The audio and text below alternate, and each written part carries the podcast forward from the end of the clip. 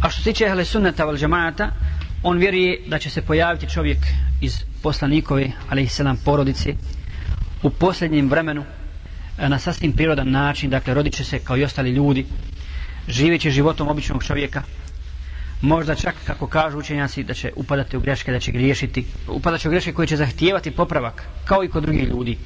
Zatim će Allah Đelešanuhu preko njega dati veliko dobro umetu i preporod i pravdu i Allah će preko njega ujediniti muslimane. Više od ovoga nije zabilježeno u predajama.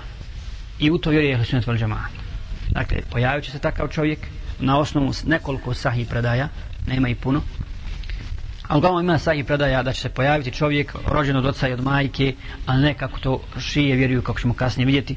Živit običnim životom, čak će praviti greške neke, pa kako stoji u hadisu, Allah će popraviti njegovo stanje i preko njega će biti muslimani ujedinjeni. I to je taj prirodni, normalni put popravka stanja kod ljudi. I nema niti jednog teksta koji govori da se treba posvetiti i robovati iščekivanju Mehdija. I nije dozvoljeno ni jednom muslimanu da poziva u tako nešto dok ne dođe. Ja sam dokaz za to jer postoji mnogo onih koji su tvrdili da su oni te ličnosti ili su to tvrdili za nekog drugog. Mi znamo vraćao da odgovoran i savjesan musliman traži dokaz i potvrdu i on ne ubrzava stvari svojom željom i strašću svoje duše. I on ne kaže da od njegove pojave zavisi jedan šerijatski propis dakle od pojave Mehdija. Nećemo kazati, nećemo reći nema namaza u džematu kao što neki kažu dok se ne pojavi Mehdi.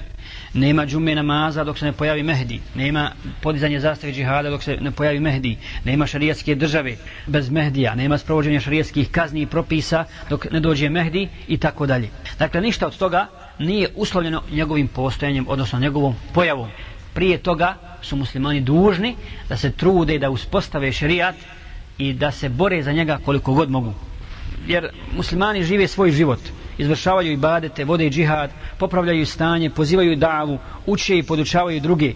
A kada se pojavi ovaj dobri insan i pokaže se jasni dokaze za to, da je on to lično, na osnovu hadisa, na osnovu predaja, oni će ga slijediti.